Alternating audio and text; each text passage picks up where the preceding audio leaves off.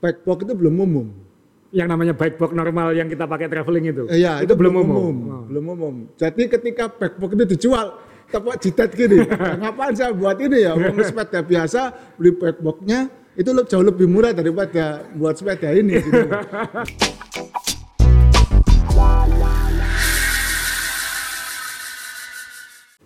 Ya, kita kembali ke podcast main sepeda. Eh, akhirnya nomor 11. Ya, 11 kali kita sudah duduk berdua. eh, satu-satu. Satu-satu. eh, berarti sudah dapat piring, sekarang koleksi untuk dapetin gelas ya. Ya, Jadi eh, kita sudah bicara soal tips beli sepeda dan lain-lain. Eh, ternyata juga masih banyak pertanyaan-pertanyaan itu masih seputar yang fundamental, yang basic ya. Karena kan memang Ya. mungkin banyak eh, penggemar sepeda baru kayak gitu. Jadi ya Om Rey dan saya sepakat kita ngomongin soal tips beli sepeda lagi gitu. ya. Tapi mohon maaf mungkin ini tips beli sepedanya yang next level. Setelah punya beberapa sepeda gitu. Setelah setelah biasanya kan orang tertarik beli sepeda, Ya, dia dia beli sepeda, dia naik sepeda, habis itu ada pilihan dua, dia suka atau nggak suka. ya, Kalau dia suka dia beli lagi, oke. kalau dia beli lagi dia beli lagi kan n plus satu itu kan ya. Ya, setelah sekian banyak beli sepeda, kepingin sepeda apa gitu. Nah, aku pengen sepeda apa? Ya. Terus kemudian kan dia bingung, masa beli yang di pasaran terus? Oh, Kan pasti pengen sepeda yang yang Wow. ini aku, yang wow, yang ya. eksklusif kayak yang gitu. oh, oke, oke. Jadi akhirnya kita memilih tema eh, tips beli sepeda next level yaitu sepeda custom. Oh, Ya, kebetulan Om Rey ini termasuk penggemar sepeda custom, eh, khususnya merek Inggris. Dia punya koleksi banyak eh, sepeda custom. Saya juga punya beberapa sepeda custom. Ya. Tapi kebetulan aliran customnya Om Rey beda dengan aliran custom saya, sangat beda. sangat beda. Jadi nanti mungkin ini bisa menarik contoh-contohnya. Eh, jadi kita akan eh, bicara tentang kenapa next level itu beli sepeda custom Ya, alasan-alasannya kenapa. Eh, tapi sebelumnya kita ingin eh, menampilkan teman kita juga kan ya. ya, Jadi kita ini eh, saya sudah kenal beliau eh, sejak pertama kali sepedaan. Eh, ternyata di Indonesia ini se- jauh sebelum booming sepeda sekarang itu sudah ada kolektor sepeda custom. Dan dia ini koleksinya mungkin sudah puluhan oke. dan merek-merek eksklusif dia kalau beli selalu kalau ada kontes sepeda kan ada pameran sepeda custom di dunia dia. Yang menang siapa dia biasanya koleksi yang itu. Oh, kayak seperti NAHBS itu. Ya NHBS ya, North American Handmade Bicycle, Bicycle Show. Show, ya. Jadi setiap tahun ada show sepeda custom atau sepeda independen itu. Nah, itu selalu ada uh, pemilihan terbaiknya. Ya, ya. Nah, beliau ini selalu uh, memperhatikan siapa yang terbaik tahun ini. Oh, Nah, terus kemudian saya kenal beliau, kita pergi bareng, pernah ke Prancis bareng, ke Italia bareng, ke Amerika bareng dengan beliau dan beliau selalu membawa sepeda customnya. oke. Dan sepeda customnya itu selalu bikin, jadi kak, bikin saya terinspirasi juga gitu. Oh, kenapa dia beli sepeda custom? Ya. Hmm, Dan kenapa dia memilih sepeda yang seperti itu? Jadi, nah Om Rey kemarin sudah menghubungi ya, ya. Sudah. Namanya siapa Om Rey? Om Sony dari Om Sony. Madiun. Dari Madiun. Jadi Dari Madiun. Om Sony Hendarto ya. Saya malah nggak tahu nomornya. Jadi uh, beliau dari Madiun, uh, pengusaha di sana dan terkenal sebenarnya di di kalangan sepeda di Indonesia kalau Ya. beliau itu punya koleksi sepeda yang wow. wow, yang Ya. yang yang menarik. Jadi kalau anda sempat ke Madiun beli pecel, jangan lupa uh, menghubungi Pak Sony, Iya, nanti diajak keliling. diajak keliling dan lihat koleksinya. Jadi Om Rey sudah punya videonya ya. Ada. Nah jadi ini uh, Om Sony akan menjelaskan uh, sepeda custom kesukaannya dia dan kenapa dia suka sepeda custom. Jadi mungkin videonya bisa kita lihat berikut ini ya. Kenapa kita memilih sepeda custom? Karena di sepeda custom kita bisa meminta seperti apa yang kita inginkan. Seperti bagaimana bentuknya supaya kelihatan cantik tanpa harus menambah spacer terlalu tinggi, tanpa harus membuat sadelnya kelihatan terlalu panjang atau terlalu pendek dan sesuai dengan keinginan kita, bottom bracketnya eh, ukuran size-nya apa. Di sini saya pakai BB 386 dengan ditebalkan layer karbonnya saya minta chain stay 415 juga dengan di stiffkan supaya ketika itu bisa transport jadi menurut saya eh, kenapa saya suka membuat sepeda custom, menurut hemat saya sepeda custom itu bisa saya buat seperti kalau Anda pesen jas di penjahit sesuai dengan keinginan kita. Ya, favorit saya satu itu adalah Vesca. Vesca ini buatan Ceko, Czech Republic. Uh, kenapa ini favorit saya? Karena sepeda ini selain ringan, sepeda ini di bawah 6 kilo. Uh, juga sepeda ini nice looking gitu. Secara estetika saya lihat pas jarak antara sipus uh, spacernya juga tidak begitu tinggi pas dan dilihat sangat pas untuk saya. Dan satunya ini Sarto buatan Antonio Sarto sepeda yang menurut saya paling enak yang saya pernah punya dan paling nyaman sangat hemat uh, energi hemat power kalau kita nanjak-nanjak, sepeda ini tidak membuat kita terlalu capek. Itu adalah dua, Space Kawan dan Sarto Seta. Anda membuat sepeda custom, Anda bisa request apa pun yang Anda minta, even sampai per mili milimeter. Jadi sepeda custom itu sangat detail. Uh, di sini saya minta head tube-nya 72 73 derajat 73 saya minta bottom bracketnya dibuat uh, pakai bahan yang kaku. Saya minta chainstay-nya dibuat pakai bahan yang kaku. Chainstay saya sekali lagi 41,5 biasanya 405 kalau sepeda-peda pabrikan Pinarello uh, spesialis begitu. Saya minta ininya agak turun. Kenapa? Karena saya sudah cukup uh, tua dan saya tidak sekuat ketika saya masih muda. Orang bersepeda uh, sama-sama orangnya, sama-sama saya. Ketika saya umur 30, ketika saya umur 40, ketika saya umur 50, mungkin cara buku saya nggak cukup, nggak kuat,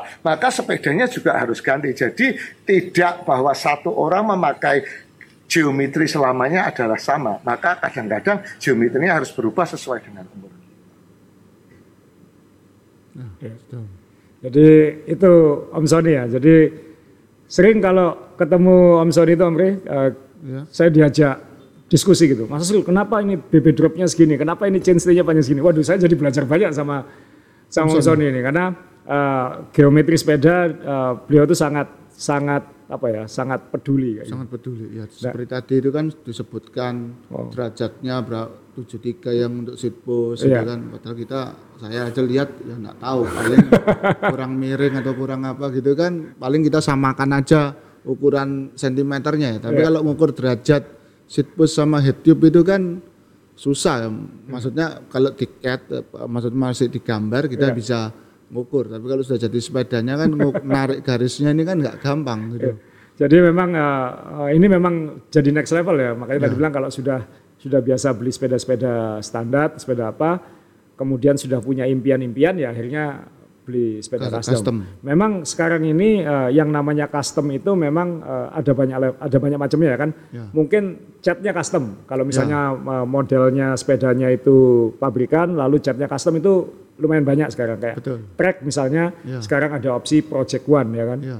Yang kita bisa milih warna, kita milih ya. frame-nya yang mana, lalu warnanya yang mana. Betul. Kemudian itu ditiru oleh banyak pabrikan lain kayak gitu. Ya. Uh, terus terang kayak uh, saya dan kita di Wednesday oh, di iya. Indonesia pun juga menawarkan opsi custom warna custom kayak gitu. Yang custom warnanya. Hanya warnanya kayak ya. gitu. Tapi yang kita bicarakan hari ini adalah benar-benar sepeda yang custom yang dibuat dari nol untuk sesuai kebutuhan kita. Si pemesan atau pemilik atau pemakai sepedanya. Ya, jadi berarti kan ada, ada kalau saya tangkap sebenarnya kita bicara tadi kan ada empat alasan sebenarnya kan ya. ya. Kenapa kok kita memilih uh, sepeda custom? Yang Betul. pertama yang pertama itu eksklusivitas. Eksklusivitas ya. ya. Kenapa eksklusif? Ya itu sepeda custom kalau kita pesan itu adalah sat, biasanya cuma ada satu di dunia. Bisa ya satu di dunia untuk kita kan? Untuk gitu? kita karena nah. ukuran cat walaupun kadang-kadang terlihat sama, ya. itu pasti ada bedanya. Kalau benar-benar custom loh ya. ya kecuali kalau kita ngomong limited edition itu kan bukan bukan custom. Bukan custom ya. Nah, kalau custom kan benar-benar dipesan khusus untuk si saya misalnya pesan kan saya milih warnanya, milih stemnya, milih semuanya dan dari sekian banyak pilihan itu pasti tidak ada aja bedanya sama pilihan orang lain. Walaupun misalnya kita sepeda custom tuh nyontoh seperti saya nyontoh Pak Sony. Ya. Oh saya kepingin sepedanya kayak gitu, tapi tentu aja akan disesuaikan dengan saya. Jadi Tidak mungkin sama tidak 100%. mungkin ya. sama seperti Pak Sony itu. Nah, jadi memang bisa sangat eksklusif, Eh, bisa ditaruh nama, bisa ditaruh logo, bisa bentuknya, bisa badan kita diukur ya kan kayak Ya. gitu. Dan biasanya juga produsennya sih kalau menurut saya sih produsennya memang juga mengeksklusifkan diri gitu. Dia tidak akan membuat terlalu banyak. Betul, ya. Jadi biasanya kan kayak eh, yang saya pernah kunjungi paling maksimal setahun bikin 200 biji. Jadi kan itu sehari satu kan kira-kira kan satu. itu udah banyak, Om. itu sudah banyak. banyak, banyak. Ada yang cuma 150 atau hanya 100 ya setahun. Setahu saya kalau yang saya pesen tuh 100 saja enggak sampai mungkin dalam setahun. dalam setahun. Jadi bayangkan betapa eksklusifnya ya, bukan hanya sepedanya one of a kind, tapi Ya. dia sendiri nggak bikin banyak kayak gitu. Ya karena kalau si yang saya pesan Inggris itu Ya. dia kerja sendiri, jadi enggak ada ya enggak ada pegawai, enggak ada apa, ya dia kerja sendiri aja. ya. Jadi ya dia yang melayani order, dia yang yang bikin segala macam. Ya, ya. yang ngelas dia sendiri sampai waktu itu ordernya pernah eh, apa delay panjang Ya. karena dia kecelakaan. Jadi dia kan juga balap Balap sepeda. balap sepeda pakai sepedanya, Ya. terus jatuh parah, akhirnya eh, dia harus setengah tahun atau berapa bulan tuh dia nggak bisa bikin karena ada sarafnya itu yang kena. Jadi dia harus belajar kembali supaya tangannya tuh bisa Ngelas di- lagi. Ngelas lagi, ya. Jadi itu benar-benar eksklusif itu ya. Benar-benar eksklusif. Terus itu satu. Yang kedua kan menyesuaikan kebutuhan fisik ya kan ya. Ya, Nah, jadi eh, kena kadang-kadang orang memang butuh beli sepeda custom. betul.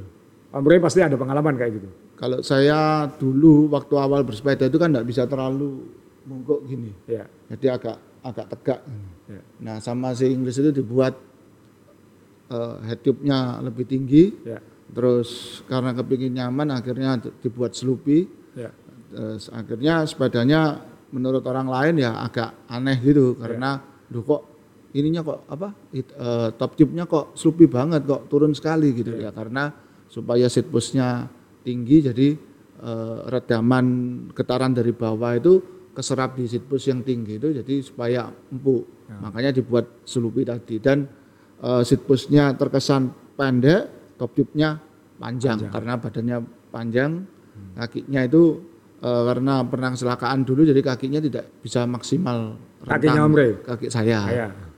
Jadi sepeda itu didesain untuk menyesuaikan dengan kebutuhan fisiknya Om Roy. Ya. Dulu. dulu Nah, sekarang. sekarang ya anunya lebih rendah Ya.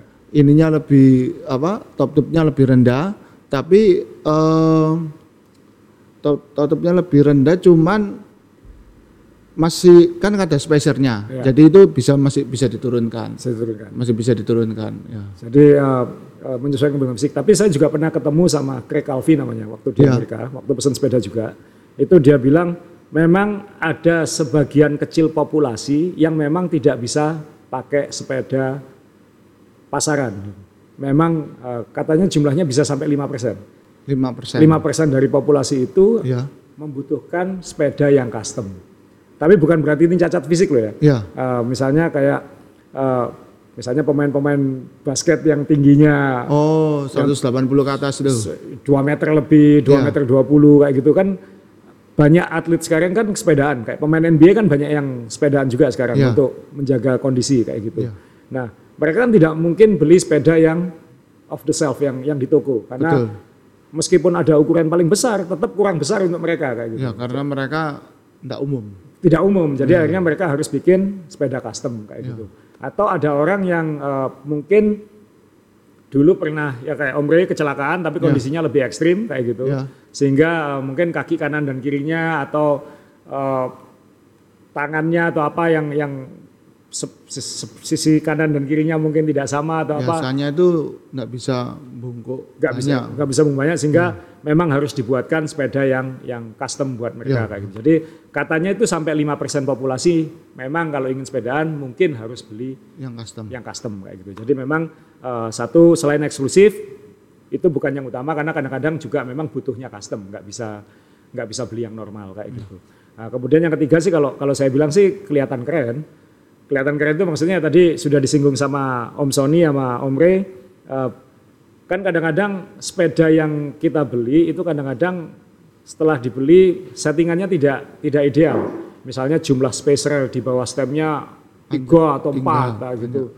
Kemudian kok seat postnya pendek banget ya gitu. Ya. Kelihatan kan nggak kelihatan keren kayak gitu. Ya. Nah, dengan sepeda custom eh, yang bikin itu bisa ngukur badan kita lalu dibuat bagaimana caranya supaya sepeda itu kelihatan keren. Jadi seolah-olah stemnya tuh habis ke headset kayak gitu. Betul. Jadi apa? Padahal yang tebel headupnya. Padahal head-up-nya yang dinaikkan seperti Ya. yang dijelaskan Ya. uh, Pak Sony, tadi kayak Ya. gitu.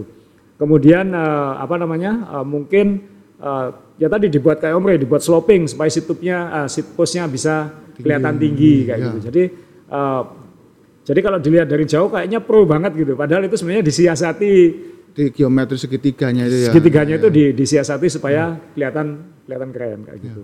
Nah, kemudian kan uh, itu tiga dan yang terakhir yang keempat ya alasan lain kenapa beli sepeda custom ya performance. Itu juga tidak tidak bisa dipungkiri gitu. Misalnya mungkin uh, orang-orang tertentu mungkin ketika dia beli sepeda ada karakter-karakternya itu ada yang dia inginkan tidak bisa didapat Dari sepeda-sepeda umum itu. dari sepeda-sepeda umum itu. Misalnya eh, saya pengen yang kaku di belakang, yang nyaman di belakang kayak Pak Sony tadi kan minta chainstay-nya dipanjangin karena untuk lebih nyaman kayak gitu-gitu. Eh, Karena mungkin standar industri panjangnya sama semua. Betul. Tapi eh, Pak So- Om Sony minta lebih panjang dikit. Nah, itu kan bisa itu kan performa sebenarnya untuk untuk kenyamanan atau untuk performa lebih tinggi. Pernah juga saya ketemu saya saya mengunjungi pabrik customnya Calvi itu di Santa Cruz di California. Itu banyak sepeda-sepeda merek lain itu ditaruh di situ gitu. Merek-merek yang ngetop-ngetop itu. Saya tanya ini punya siapa? Ini punya pembalap-pembalap katanya gitu. Loh, kenapa? Ada yang minta ditebelin belakangnya, ada yang minta ditebelin bottom bracketnya, ada yang minta ditebelin down tube-nya kayak gitu. Jadi walaupun umum pun masih Minta di custom lagi. Iya, kayak gitu. Stiffness-nya itu berarti Iya, ya. jadi tuntutan eh, tuntutan Si pembalap. pembalap atau orangnya kayak Ya. gitu, mintanya performance-nya tinggi. Jadi ya itu tadi bukan sekedar cat kan, berarti kan memang kalau beli sepeda custom itu satu eksklusif, Ya. eh, tapi sebenarnya eksklusif ini kan kaitannya sama gengsi, tapi sebenarnya nggak melulu itu, misalnya ada kebutuhan fisik, eh, kemudian yang ketiga kelihatan tampilan sepedanya keren, Ya. kemudian yang yang terakhir tadi ya tuntutan performa kayak gitu. Oke. Jadi ya ini kebetulan eh, Om Ray dan saya bawa beberapa contoh sepeda custom. Ya. Mungkin Om Ray bisa duluan karena seperti tadi dibilang Om Ray sama saya aliran sepedanya beda. Ya Om Ray bawa sepeda yang apa? Ya, ini English touring saya. Wah. Ini yang dimaksud Om Ray ini paling suka beli sepeda merek English ini. Kalau bisa dijelaskan English ini emang dari Inggris. Nah, orangnya nama- namanya Rob English, Namanya English. namanya English dari Inggris tapi sudah pindah ke Amerika. Oh jadi ini sebenarnya di- dibuat di Amerika, Di- gitu. dibuat di Amerika Oregon. Oregon. Ya, oh, di Portland eh, ya. bu- bukan Portland, eh, Eugene. Eugene ya itu dekat Portland lah. Maksudnya memang kebanyakan in- situ. ya industri sepeda di Amerika memang kebanyakan di di Portland. Eh, mungkin Om Ria bisa jelasin ini sepeda apa kan? Ini bukan road bike normal ini. Ini apa ini sepeda touring? Ini sepeda touring. Waktu itu eh, apa ya? Mungkin ada rencana minggat atau takut tidak boleh pulang waktu sepedaan. Jadi punya impian tuh bangun sepeda yang eh, apa ya? out Sepeda the- minggat. Out of the box gitu. Ya, sepeda minggat yang out of the box. Jadi contohnya gini. Ini ada USB chargernya. Iya. Tapi maaf, ini cuman ampernya rendah. Iya. Waktu ini dibuat, handphonenya nggak seperti sekarang gitu. Jadi masih handphone yang poliponik itu masih bisa dicas di sini. Iya. gitu. Nah, tenaganya dari mana? Ini pakai sound dynamo hub di depan situ. Ya, Di jadi ini kalau sini, ya. diangkat diputer, nah itu kan lampunya nyala om. Ya, Ya, lampu, de- ini ada lampu di sini kalau kelihatan ya. Nah, lampu depannya Ya. ini situ nyala, lampu belakang juga nyala, sekalian sama si uh, USB charger ini ya. Ya. Jadi sambil goes ngecas baterai kayak gitu. Ya, atau dijagang terus muter ban gini. Ya, sampai, sampai Jadi sambil sambil makan ngopi diangkat diputer gini ya. Iya. Ngecas ya. ya. sambil ngecas. Iya. Ini jadi uh, ceritanya gitu. Waktu kan ini terakhir sih waktu itu si pembuat ini nawari kamu enggak pakai sekalian ini baru deplak waktu waktu itu. Waktu itu. ini kira-kira 2013 2013 atau 2015 loh saya Iya. pesannya. Jadi sudah sudah lama ya teknologinya mungkin sekarang sudah ketinggalan tapi ya sampai saat ini masih saya belum pernah lihat juga sih yang chargernya ditaruh di sini ini belum ada. Jadi Dan ada ini- charger di atas stem.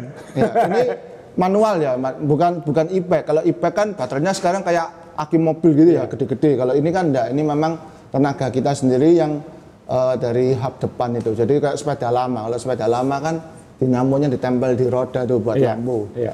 Nah, ini sudah disc brake tapi karena sudah lama jadi disc brake-nya masih pakai kawat, Iya, masih mechanical. me- mekanik. Iya. Eh, lalu ini pakai roll off jadi diputar gini enggak apa-apa 14 speed 14 speed. Ya, ini rentang eh, apa gearnya ini bisa sampai 500%. Jadi 14 speed internal hub di belakang sini. Nah, terus untuk cranknya apa? Untuk penggeraknya enggak pakai ruji, pakai gauge belt drive. Pakai belt drive ya. Ya, ini yang sekarang dipakai Harley itu. Iya. Nah, jadi Harley kan pakai belt drive ya seperti gini. Jadi kalau soal kuat kuat, cuman eh, nggak umum dan kenapa pakai belt drive supaya nggak pakai oli. Nggak Jadi pakai nggak pakai minyak ya. nggak pakai minyak ya untuk apa rantai terus kuat dan ini seperti gini kan nggak kotor waktu Iya. itu seperti itu. Jadi bisa dipakai untuk sehari-hari atau kepingin minggat. Ini raknya aja eh, raknya aja ini dari karbon karena keisengan yang buat itu Ya. dia waktu itu ada sisa plat karbon terus ditaruh Jadi- di sini Dudukan belakangnya itu platnya itu bukan besi seperti rangka rangkanya tapi dari plat dari karbon. ya. Nah, jadi untuk kenapa custom itu jadi ngatur untuk kabel-kabelnya ke lampu belakang, terus ke dinamonya itu enggak kelihatan di luar ya. Ini kan yang customnya di situ. Jadi dari forknya itu kabelnya dimasukkan di dalam, terus keluar di sini, Iya.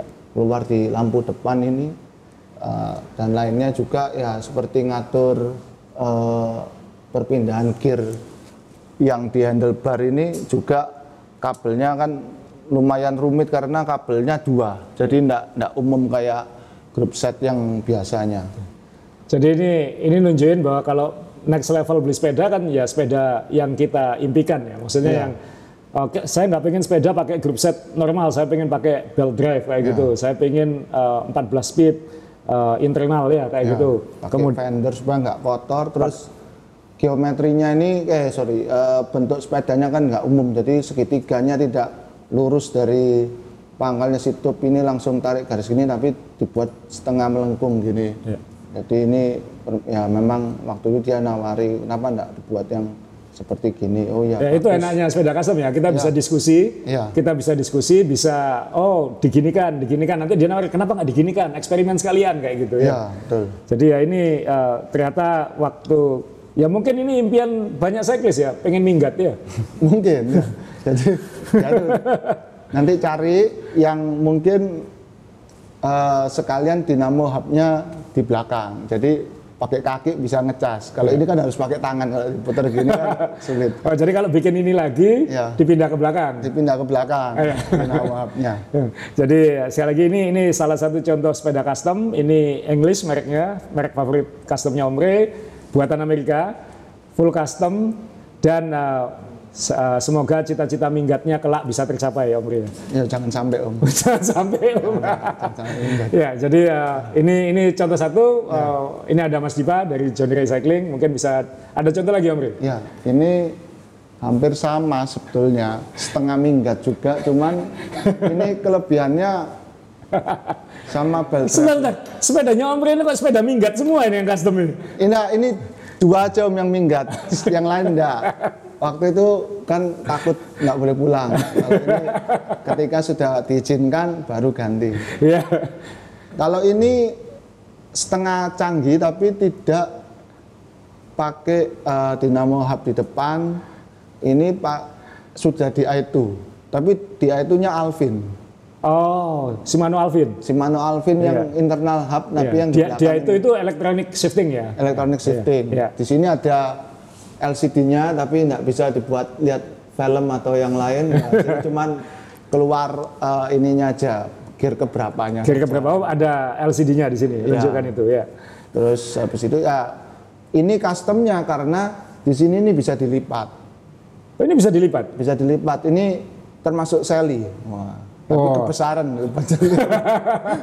jadi ini tidak dibuka di bottom bracket ini ada engselnya, Iya. terus jadi bisa ditekuk ke sana. Oh. Bisa dimasukkan koper. Jadi waktu ini datang satu set sama kopernya.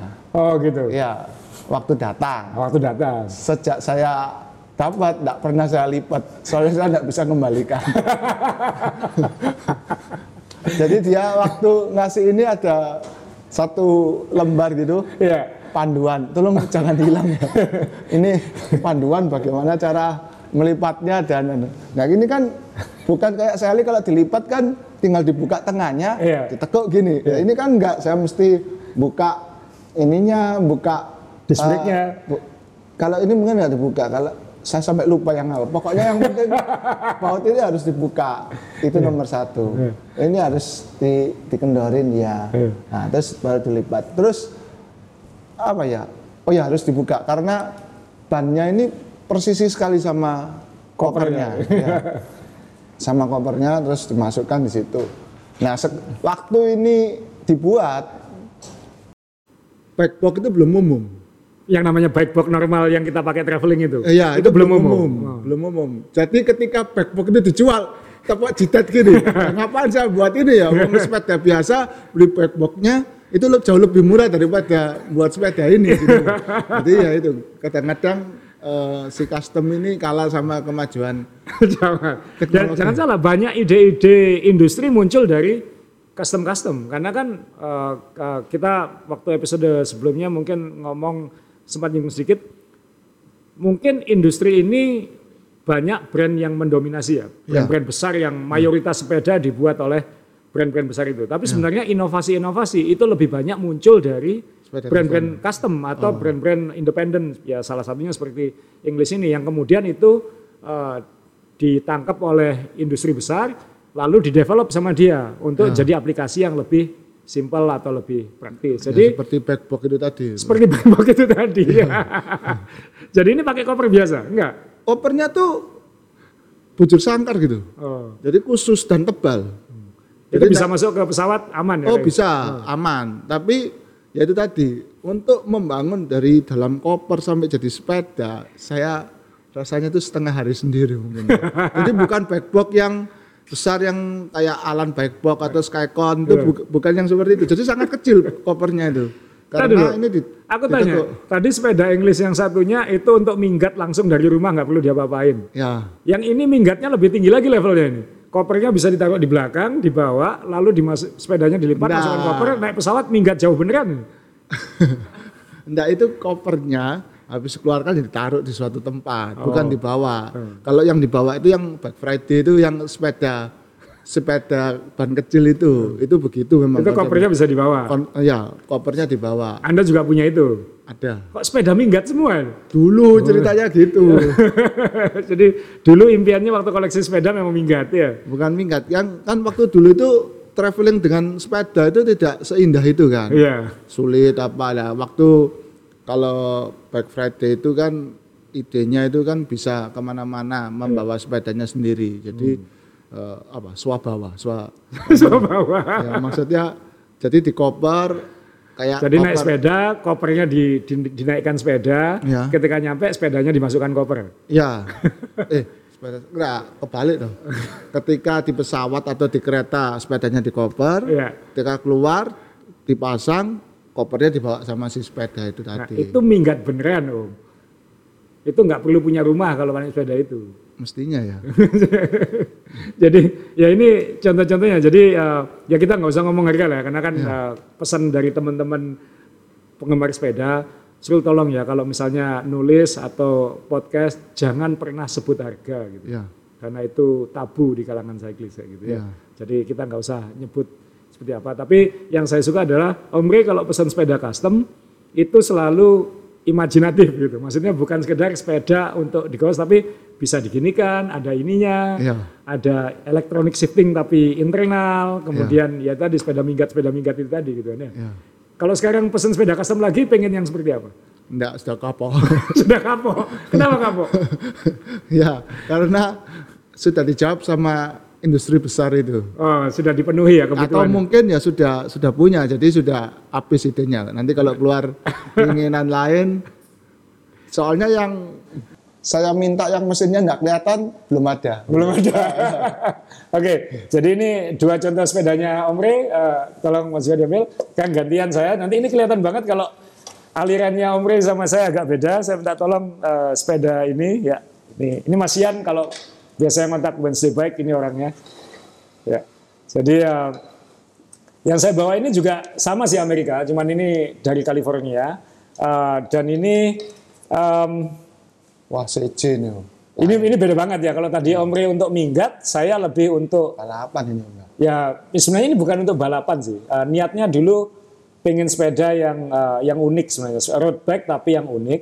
Eh, kemudian eh, saya termasuk suka sama Calvi ini. Pernah datang ke Surabaya ke Ya, Indonesia. saya ketemu juga. Kita ketemu waktu itu, dia pernah datang, dia ngasih seminar ke, teman-teman sepeda di Indonesia. Uh, dan dia ini termasuk inovator di dunia sepeda karena dia termasuk pembuat sepeda full carbon pertama di dunia. Di dunia. Di dunia tahun 84 atau 85. Dia termasuk yang pertama bikin yang full full bike ya. Kalau yang karbon kombinasi karbon kombinasi mungkin merek lain ada tapi dia yang pertama di dunia bikin sepeda itu full karbon. Nah, uh, dan dia kemudian jadi terkenal karena dia yang bikinkan sepedanya Greg LeMond ya. waktu juara, Juara. Tour de France, ya Tour de France. Jadi uh, Itu brand apa? brandnya LeMond, Oh, brandnya lemon. LeMond, tapi yang bikin waktu itu Greg Cal- Calvi, ya Oh, si Calvin. si Calvi ini. Jadi dia uh, orangnya memang seniman banget, uh, antik banget. Dia suka bikin sepeda aneh-aneh itu dia bikin sepeda Bambu ya. Uh, sepeda bambu juga. Kemudian dia bikin sepeda yang rodanya besar di depan kecil di belakang itu apa? Penny pa- penny farthing itu. Yang sepeda kuno itu. Sepeda kuno tapi dari bahan karbon kayak gitu. Jadi dia dia suka uh, berimajinasi, memang seniman banget orangnya.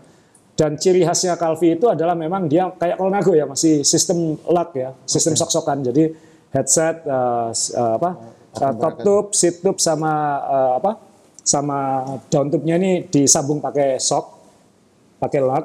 Uh, Ini di- tapi karbon. ini karbon semua, ini full karbon. Dan ini dulu belinya 2012, 2013. Jadi waktu itu integrated handlebar masih belum Belum umum. belum umum, belum ada malah, uh, belum ada yang jual dalam artian benar-benar integrated. Jadi yang dia lakukan adalah kamu suka handlebar apa? Waktu itu saya minta NV. Jadi ini stem NV, ini handlebar NV sama dia disambung pakai karbon.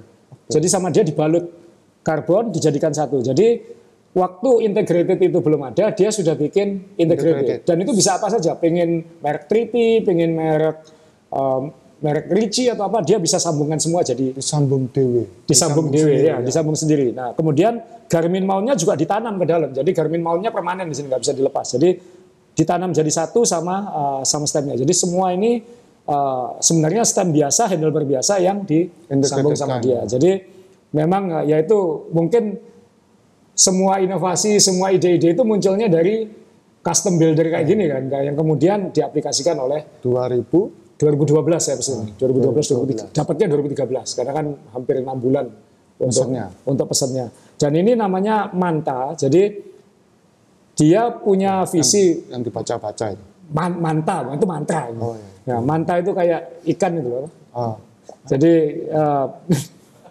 jadi dia itu punya visi bahwa kelak semua sepeda itu pasti ada elemen suspensinya kan. oh. jadi ini sepeda sebenarnya ada suspensinya Yang di di belakang ini. Jadi eh, kalau misalnya Om Rey minta tolong di kan, ini kalau ditekan, Om Rey tekan ya bisa dilihat di bagian sini. Ini ada ada elastomernya di sini. Ya, gerak. Gerak ya. Dia jadi ada suspensinya dan di dalam sini ada pirnya, ada ada springnya.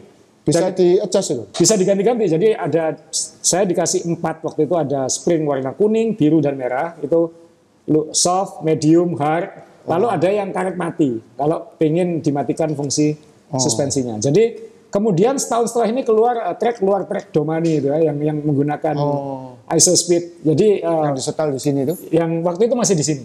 Waktu itu masih di sini. Jadi eh, jadi waktu itu Calvi sudah duluan apa? Duluan eh, membuat eh, sepeda dengan dengan suspensi. Jadi memang eh, apa namanya? eh, ide-idenya memang memang luar biasa banyak gitu. Dan waktu itu memang dia juga bikin disc brake tapi karena saya mintanya waktu itu masih ring brake biasa, jadi akhirnya seperti ini. Dan BB-nya pun dia konsepnya beda. Dia pakai dia suka BB65-nya look gitu. Jadi dia harus pa- jadi harus pakai crank merek look yang di bawah ini uh, yang BB65. Jadi bottom tuh. lubangnya besar sekali ya kayak gitu. Jadi ya itu yang namanya imajinasi custom bike kan. Jadi Ini yang kerennya bisa ganti-ganti ukuran betul. minda-minda itu. Jadi tidak perlu bingung kalau pengen ganti crank dari panjang 170, 172 atau 175. Ini satu crank bisa.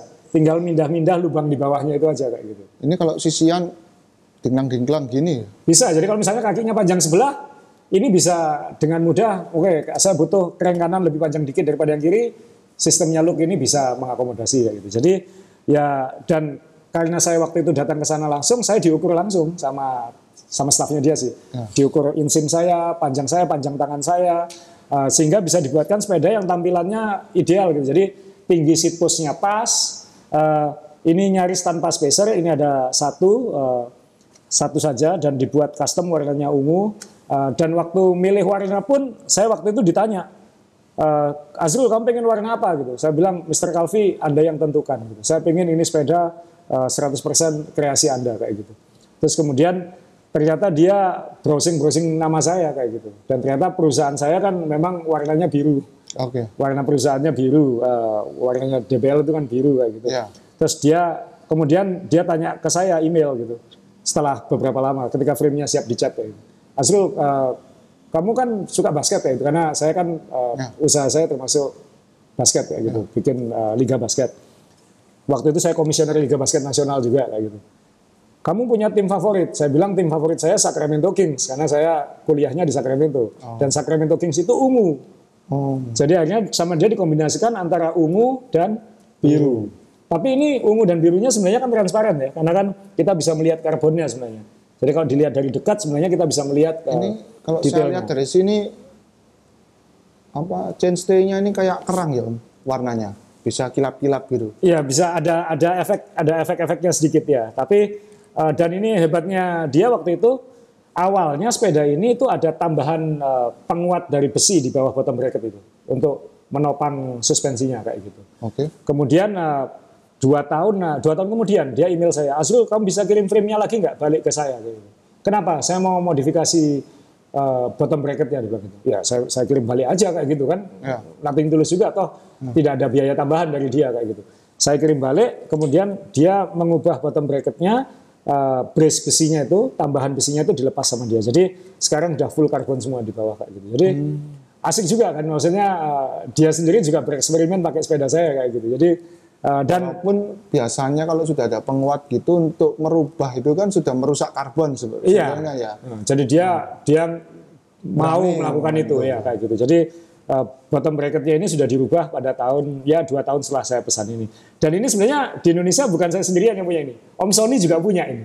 Oh. Calvi Manta ini. Jadi uh, Om Sony juga punya. Jadi kita pernah waktu acara dengan Calvi itu Om Sony bawa Calvi Mantanya dia, saya bawa Calvi saya. Jadi ya ini memang kalau dibilang performance sebenarnya juga bukan full performance ya. Ini lebih untuk jarak jauh lebih nyaman karena ada suspensinya kayak gitu-gitu. Jadi eh, tapi kalau mau dipakai saya sayang ya. Saya pernah pakai lalu ada kesenggol barang sedikit tak lecet ini betulinnya kan nggak bisa gitu. Jadi eh, akhirnya ini kayak kayak sepeda museum jadi. Taruh dan dilihat saja. Eh, ditaruh, dilihat, ya dipajang ya. Sesekali dipakai kalau kangen pakai kayak gitu. Dan ini sudah full dia itu tahun 2012 waktu itu kan masih belum terlalu eh, apa populer eh, dia itu elektronik. Memang masih di luar ini. Tapi ya ini eh, uniknya sepeda custom. Jadi eh, beda dengan sepeda-sepeda yang dibeli. Ini ini satu. Ada lagi mungkin Mas Ian tolong eh, diambilkan contoh satu lagi. Ya. Jadi ini nah, kalau yang ini saya pesan murni performance. Murni untuk eh, performance ya. Terima kasih. Dan sebenarnya saya nggak nggak sendirian waktu itu. Jadi ini Baum bagi yang familiar sama merek Baum ini merek Australia Baum ya eh, Darren Baum namanya. Eh, kemudian eh, dia spesialis titanium sebenarnya. Meskipun ada yang dari steel juga. Biasanya titanium itu kan konon tidak bisa diwarna ya. Ya, ini diwarnai ya. Ya, makanya. Jadi ya ini titanium, Baum Koreto namanya. Ini tahun 2015. Waktu itu sebenarnya eh, sangat terbatas waktu itu. Jadi waktu itu Rafa, merek baju Rafa itu, dia bikin eh, kayak acara eksklusif di Australia, Oke. nonton tour Down Under, nonton balapan eh, World Tour di Adelaide. Nah, khusus peserta itu boleh punya opsi pesan sepeda Baum khusus edisi Rafa. Makanya saya mau pesen nggak boleh waktu itu. Oh, sempat mau pesan ini juga. Ya. Jadi nggak boleh yang boleh pesan hanya yang ikut acara itu. Oh. Sebenarnya saya bukan yang pertama dapat, yang pertama dapat Om Edo Bawono, Ya. yang foundernya Strive, Ya. Strive Bar itu. Dia punya persis sama dengan ini. Uh, kemudian ada Prasna Murdaya juga yang Jakarta, dia punya juga edisi Rafa, tapi dia milih warna yang hijau waktu itu. Oh, Jadi stripe-nya bukan biru pink tapi hijau. Jadi ini kalau nggak salah hanya ada lima di dunia yang Di ini. dunia? Iya.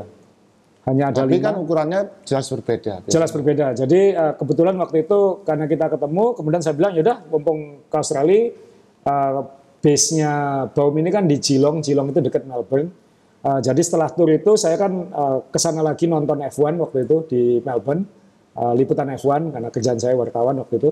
Jadi uh, saya ke sana mampir ke Baum dijemput sama dia, ya diukur sendiri, diukur langsung diukur uh, sama orangnya langsung uh, dan dibuatkan sepeda custom ini. Jadi ukurannya ini menyesuaikan badan saya gitu.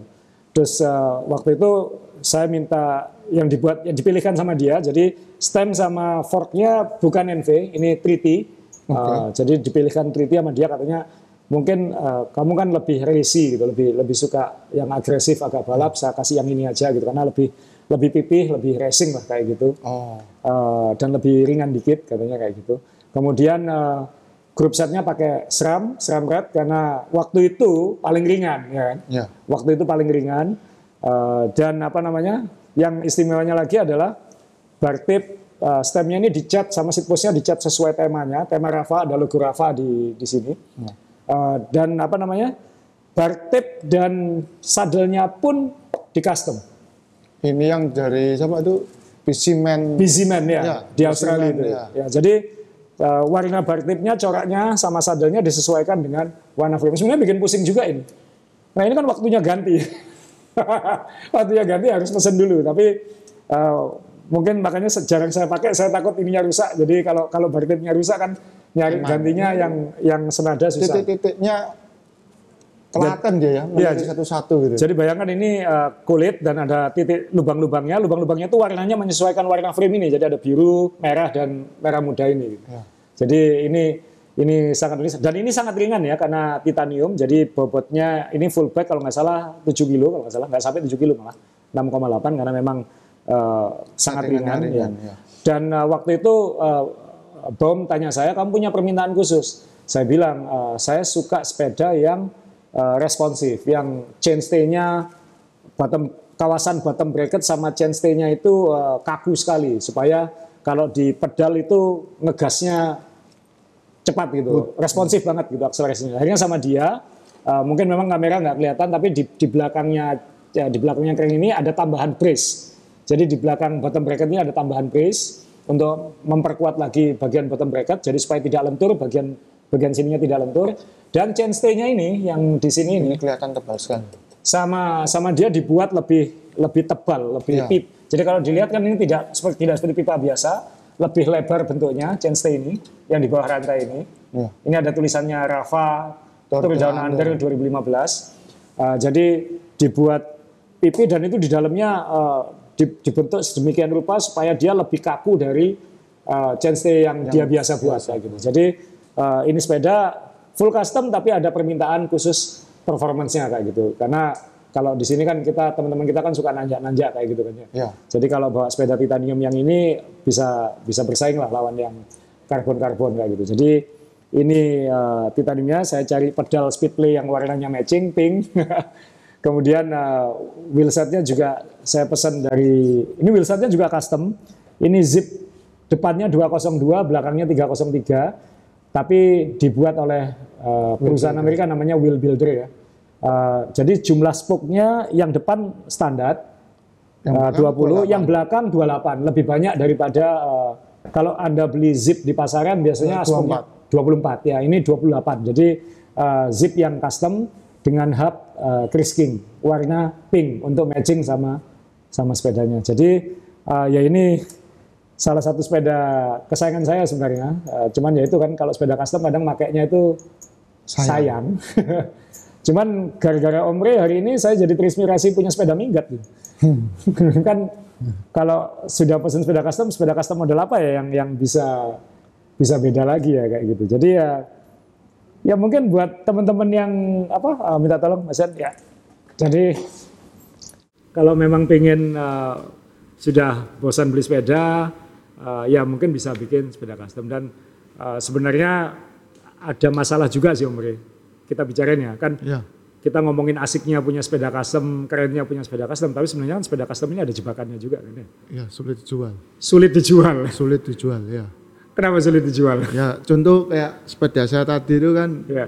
ya siapa yang mau ya ya mungkin mau tapi eh, ketika dicoba itu kan biasanya kan kepingin cepat Iya. kalau minggat pun begitu tahu terlalu banyak pernak perniknya mungkin nanti takut dicuri orang gitu Iya. jadi akhirnya ya orang jadi malas gitu dan ukurannya juga nggak nggak sama dengan mereka gitu jadi Ya. Nah, repot masalah saya juga gitu kan. Sepeda ini dibuat dua sepeda tadi itu dibuat berdasarkan ukuran badan saya gitu. ya Jadi kalau mau jual ya harus cari orang yang kira-kira sama kira-kira sama dengan saya gitu. dan mau dan mau. Kayak yang Calvi tadi misalnya, mungkin tingginya sama tapi tangan dia mungkin lebih pendek dari saya. Berarti stemnya harus diganti kan nggak bisa. Karena stemnya itu saya Oh, minta yang tadi itu. Iya, karena yang, sudah diintegrated sambungan kan, nanti, sudah sambungan itu. ya. Itu 120 dan 40 misalnya kayak itu kan Iya. mungkin harus benar-benar cari yang Persis. persis sama dengan saya baru mungkin Atau fittingannya sama lah paling enggak ya. ya, jangan sampai selisih terlalu terlalu Oh. banyak ya. Jadi dan ini juga mungkin agak hati-hati buat teman-teman yang mungkin tertarik sama sepeda yang custom, yang seru, Ya, ditawari orang ya. Eh, misalnya ada orang kan mungkin ada orang pengen jual sepeda customnya kayak misalnya Om Ray Iya. pengen jual sepeda minggatnya gitu Ya. atau saya jual sepeda saya yang bau misalnya. Ya ini kan juga yang beli juga harus hati-hati kan. Dia Ya. harus benar-benar bisa dia harus paham sepeda kan kayak gitu. Jangan-jangan nanti beli tadi kayak Pak Sony itu kan eh eh, bottom bracketnya dropnya kan beda sama Ya. orang kebanyakan. ya Eh, efek dari chainstay yang lebih panjang itu nyaman di Pak Tony. Iya. Eh sorry Pak, Pak Sony, Sony, ya. iya. Tapi tidak mungkin tidak nyaman dipakai oleh dalam calon pembeli barunya, barunya itu, gitu. ya. Jadi eh, memang ketika sudah ke level beli sepeda custom ya ya memang untuk kita kan gitu. Ya. Nah, kalau saya sih memang punya koleksi, jadi kan Om Ray juga punya koleksi. Mungkin kapan-kapan kita bedah koleksinya Om Ray yang lain juga kan. Ka- Imajinasinya kan aneh-aneh kan, minggat, terus apa kan itu Sebetulnya touring om, bukan minggat om. ya, touring kan eh, langkah pertama menuju minggat kan itu. ya, ya. Kan sudah satu langkah itu ya. jadi ya Jadi kalau ditanya kembali kapan gitu. Bulan berapa Mbak kembali? bulan berapa kembali. Apalagi kalau pagi-pagi keluar dari rumah, Ya. bawa sepeda minggatnya, tapi sudah bawa tas banyak, istrinya nanya, mau ke mana? Enggak, cuma mau belanja aja kayak gitu. Tapi tiba-tiba nggak pulang-pulang kan kayak gitu ya. ya. Lebih Jadi- minta maaf. Nah, habis itu kan tinggal minta maaf ya. kayak. Sorry. Sorry ya. Jadi eh, ya itu tadi eh, eh, kalau misalnya tentang sepeda custom. Jadi eh, sekali lagi keren, asik, tapi juga ada jebakannya. Ya. Nah mungkin nanti eh, kita kalau waktunya tepat mungkin kita bisa bedah lagi koleksinya Om Sony itu ya karena Iya. itu kalau ke Madiun harus lihat koleksinya Om Sony itu. Dan kalau diajak ngomong soal sepeda antusias banget ya itu. Jadi eh, bisa belajar banyak dari Om Sony. Saya belajar banyak sih. Saya belajar banyak karena kan kita kalau bepergian kan suka di pesawat berjam-jam atau ketika di luar negeri kan kayak kita waktu di Spanyol kan di hotel itu kan nggak ada siapa-siapa mau nggak mau kita ngobrol sendiri terus kan kayak gitu. Betul, ya. Jadi ya ya kita bisa bertukar pikiran dan gara-gara Om Sony ini saya jadi beli sepeda-sepeda custom. Custom. Nah, tadi yang sepeda yang dia suka itu yang Sarto yang hitam itu, itu udah ke mana-mana itu. Oh, keliling dunia. Udah keliling dunia itu. Jadi memang itu sepeda kesayangannya beliau itu. Jadi kalau mau ngerjain Om Sony nanti ke Madiun curi sepeda itu sembunyikan itu. Pasti pusing orangnya. Jadi eh, itu tadi eh, kita pada episode sebelumnya kan ada janji ngasih hadiah eh, kepada yang ngasih komen masukan kepada eh, Johnny Ray, Wednesday Bike, Sub Jersey sama Strive. Ya. Ya, jadi ini kita siapin empat hadiah. Kita sudah pilih tapi kita nggak usah baca.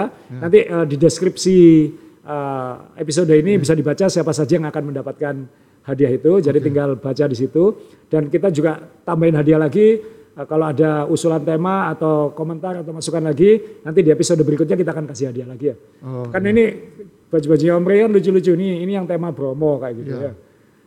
Ya, promo 2020. 2020 promo kayak gitu. Nanti mungkin mungkin ada kaos main sepeda seperti yang saya pakai atau jersey yang seperti yang dipajang di manekin itu atau jersey-jersey dari sub jersey yang yang terpajang ini. Jadi nanti kita siapin hadiah juga. Jadi uh, moga-moga uh, podcast kita terus bermanfaat ya. Ya, amin. Amin ya. Jadi moga-moga terus bermanfaat. Uh, uh, moga-moga kita juga nggak kehabisan bahan omongan. Ya. Om Ray kayaknya lapar. Om Ray kalau lapar lucunya hilang. Bukan Nah, ini Ngantuk. dari tadi sudah dilihat ini kita lagi di Wednesday Cafe. Di sini salah satu menu paling populernya adalah onde-onde Nutella ini. biasanya kan mejanya itu kan sebelah sini loh. Jadi gampang ngambilnya. Lah ini mau ngambil kameranya di sana kan enggak mungkin. Jadi terus. Jadi ini ini menu favorit kita. Kenapa kok dari minggu lalu selalu ada onde-onde di meja? Ini namanya onde-onde Nutella. Jadi onde-onde isinya Nutella. Ini menu paling laris di Wednesday Cafe ini di Surabaya. Jadi kalau ke Surabaya mampir ke Wednesday Cafe, silakan pesan onde-onde Nutella. Oke, jadi uh, kita ketemu lagi minggu depan ya. Kita cari ide lagi. Om Ray sudah butuh makan. Uh, jadi terima kasih. Semoga bermanfaat.